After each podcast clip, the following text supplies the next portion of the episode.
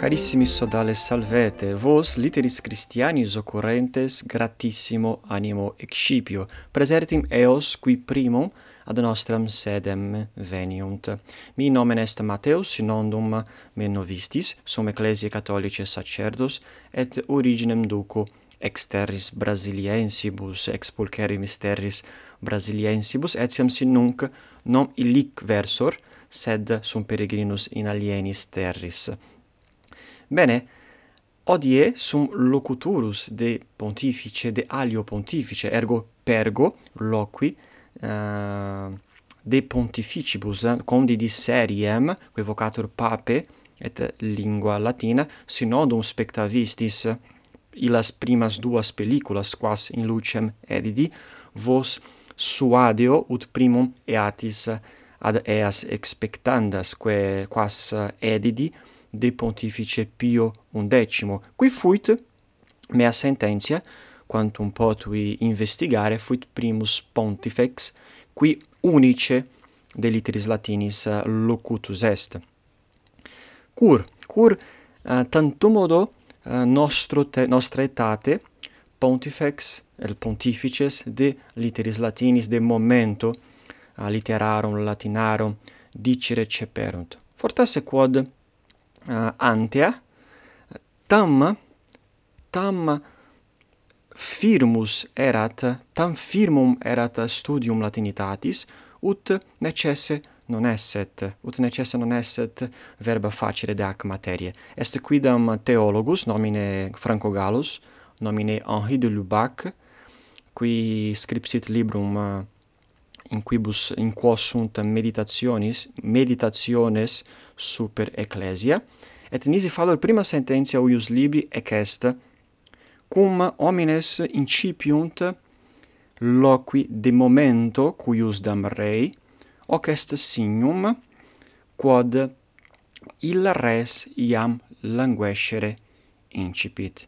Quia si res languescit, tabescit, debilior in dies fit, necesse est Deus momentum loqui, ut studium hominum uh, moverent, ut studium hominum moveant. Ac de causa, si pontifices ceperunt loqui de lingua latina, de studiis literarum latinarum, tantum od nostro tempore, hoc est indicium, quod proponit lingua latina tantum od nostro tempore, languescere recepisse. Bene, sed de ac re possumus etiam alio loco uh, disserere. Eamus ad pontificem, ad pontificem quem odie tractaturi sumus, qui non est Pius undecimus, ed est eius successor Pius duodecimus. Eh, Pius duodecimus non scripsit uh, documentum de literis latinis, ego inveni tantum modum, tantum modo allocutionem. Quid est allocutio pontificis. Allocutio pontificis est velut sermo, oratio habita, ad quosdam viros, ad quosdam homines. Et inveni allocutionem pontificis, quam abuit ad docentes ex ordine fratrum carmelitarum. Sed ec allocutio non est de literis latinis tantum, est de multis rebus, de virtutibus eh, generati quas eh, magistri et professores debent collere et tradere suis eh, tironibus suis discipulis. Sed inter ea quae sunt tradenda eque magnum pondus habeant invenitur etiam liter lingua latina et inveniuntur litere humaniores ut dixit optime ipse pontifex. Et ecolocutio vocatur magis quam, quia incipit uh, is veribis magis quam. Est allocutio habita anno millesimo, millesimo, nongentesimo, primo et quinquagesimo ad, ad docentes ex ordine fratrum carmelitarum. Ergo eamus uh, eh, ad unc textum, quod velim, quem velim totum legere cur qui est textus parvus? Sunt duo loci tantum modo ergo possumus eh, breviter eh, totum textum legere et enodare eaque sunt dicta a pontifice quis quis sunt eh, quae non sunt multa sed est multum. Bene? Non sunt multa dicta sed id quod dictum est est multum sic ut dixerat Seneca. Ergo incipiamus eh, uh, anc lectionem. Et pontifex hoc modo incipit. Ille iam incipit exclamatione Quant opere id nos delectat quod ipsi vultis tirones vestros humanioribus literis imbuere ergo loquitur ad illos docentes vos vultis tirones vestros humanioribus literis imbuere, quant'opere id nos delectat. Ergo iam possumus advertere pontificem amare literas literas humaniores presertim literam literas latinas. Et pergit. Ec litere humaniores ad surgentia ingenia conformanda aptissima sunt. Ut tum incogitando et loquendo sit lucidus ordo et vana vitetur profluentia verborum.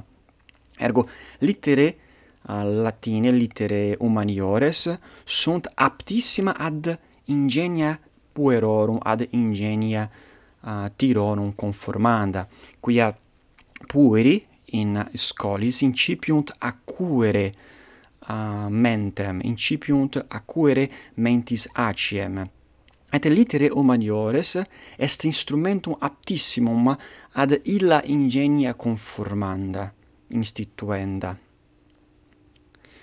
Et non solum est auxilio ut recte cogitent, sed etiam ut recte ut lucide loquantur. Tum peregit pont fextum, ut alie preclare parentur bene cordati viri laudes. Bene, ic est, ec est prima paragrafus.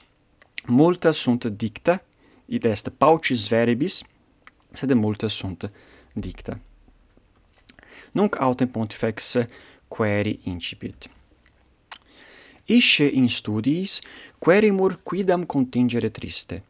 Pro dolor, Latina lingua, gloria sacerdotum, nunc languidior res usque et pauciores abet cultores. Ergo, pontifex dixit aliquid triste contingere, quid est?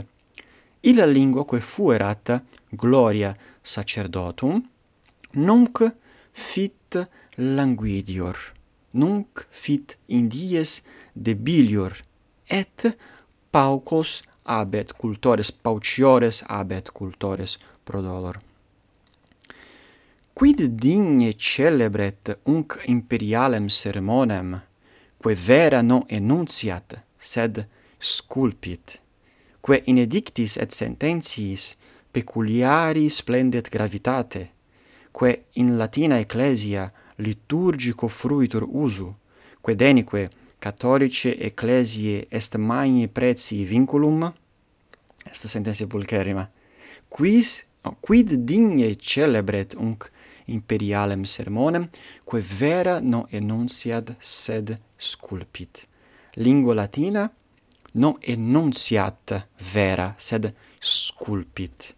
Et hoc est res mai momenti, quia id quod enunciatur, perditur, ammititur, sicut verba volant. Sed id quod sculpitur manet sicut lapis manet per saecula. Ergo id quod nos enunciamus id quod nos dicimus lingua latina non sunt sicut eh, verba quae uh, eh, exeunt et quae uh, eh, evanescunt sed sunt sicut lapides quae per saecula manent. Ergo lingua latina non vera enunciat, sed sculpit. Et ile etiam loquitur de momento eh, lingue latine in, uh, in ecclesia latina, in parte latina ecclesiae nam uh, in ecclesia latina lingua latina est lingua ad, uh, ad solemnia liturgica per agenda. Ed inde dicit, nullus sit sacerdos qui eam nesciat facile et expedite legere et loqui. Bene, ergo omnis uh, omnis sacerdos debet facile et expedite latine legere et latine loqui. Ex sententia est mai ponderis nomne, quia nos sepissime locumur et presert in video apud uh, Eh, latinitatis cultores eh, nostro tempore, semper locuuntur ili homines de metodo, de momento loquendi nomne, non solum oportet legere, sed etiam loqui latine, ut possimus uh, anc familiaritatem cum lingua abere, quae nobis, uh, uh, quae nobis aperiat sensum profundiorem literarum. Ergo Latine loqui est mai momenti et pont fex etiam loquitur de uh, de Latine loquendo praesertim a sacerdotibus.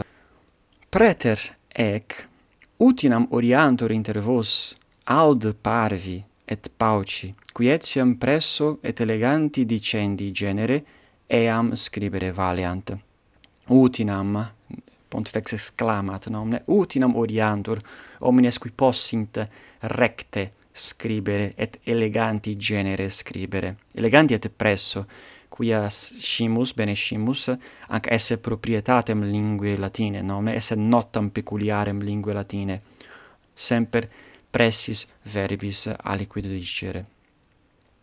Et deinde venimus ad postremum locum ad tertium ad tertiam paragraphum quest ultima paragraphus in invero latina lingua itenque et greca qui tot ecclesiastica scripta iam aprisco christiano evo commissa sunt thesaurus est incomparande prestantiae ex sententia est etiam sententia pulcherrima.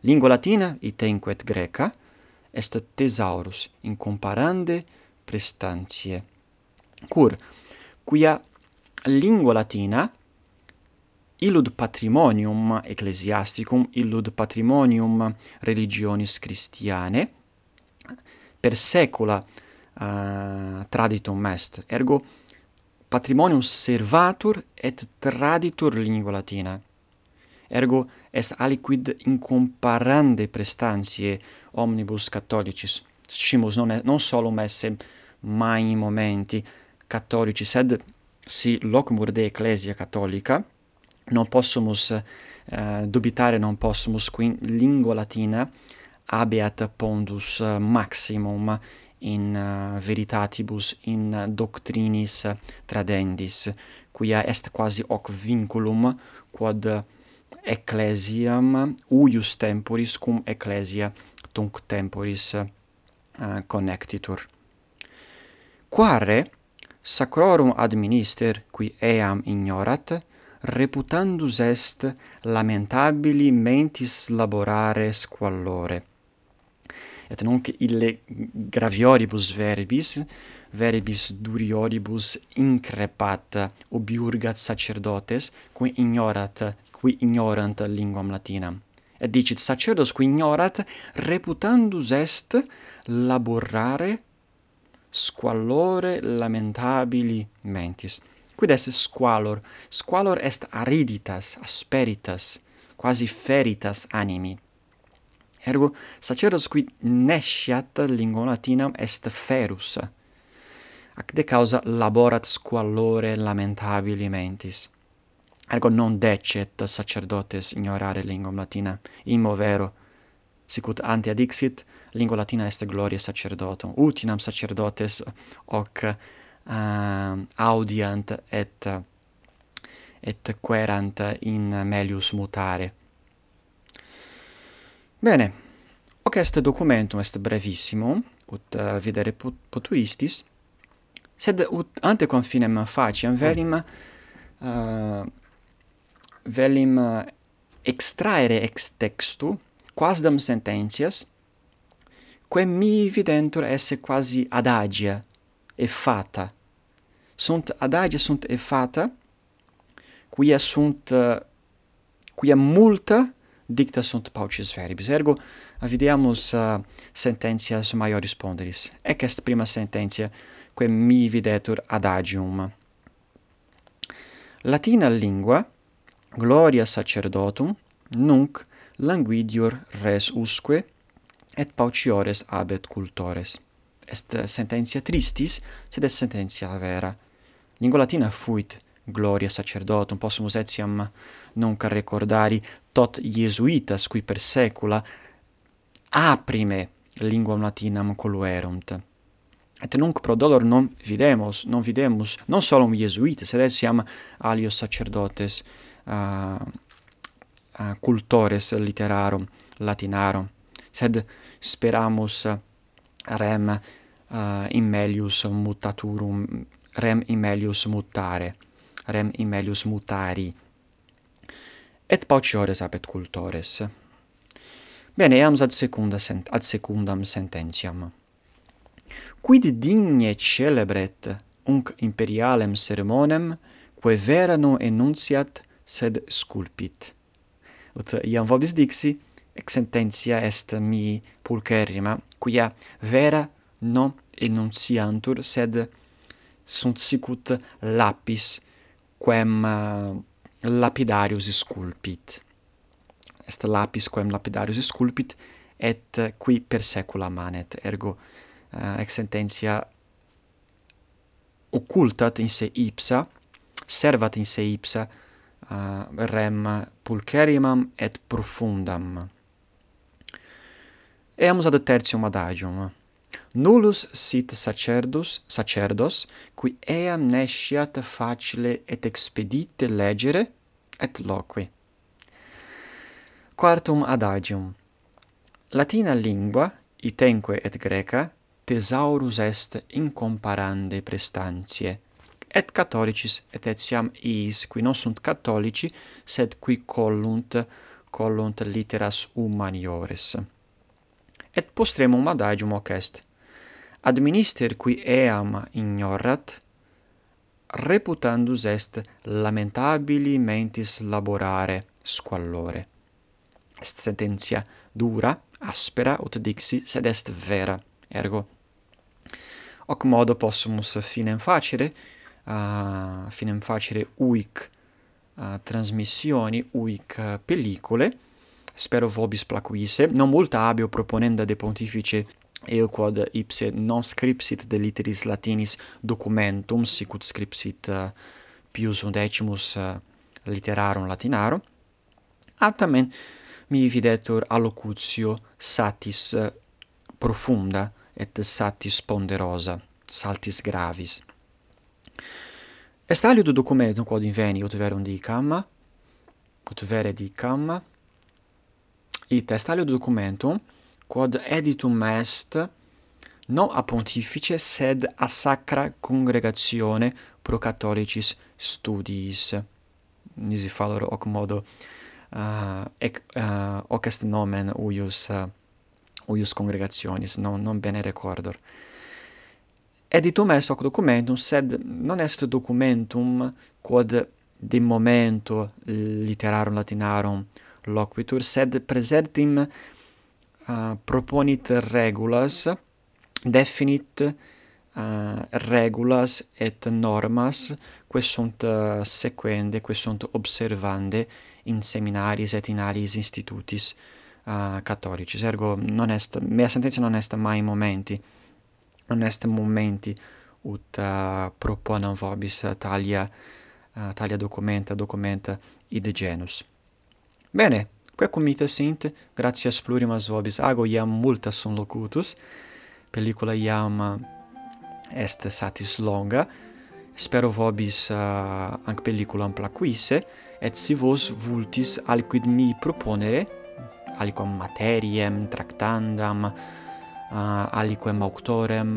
Bene liberi estis ego libentissime accipio uh, consilia vestra ergo gratias vobis ago et in proximo valete.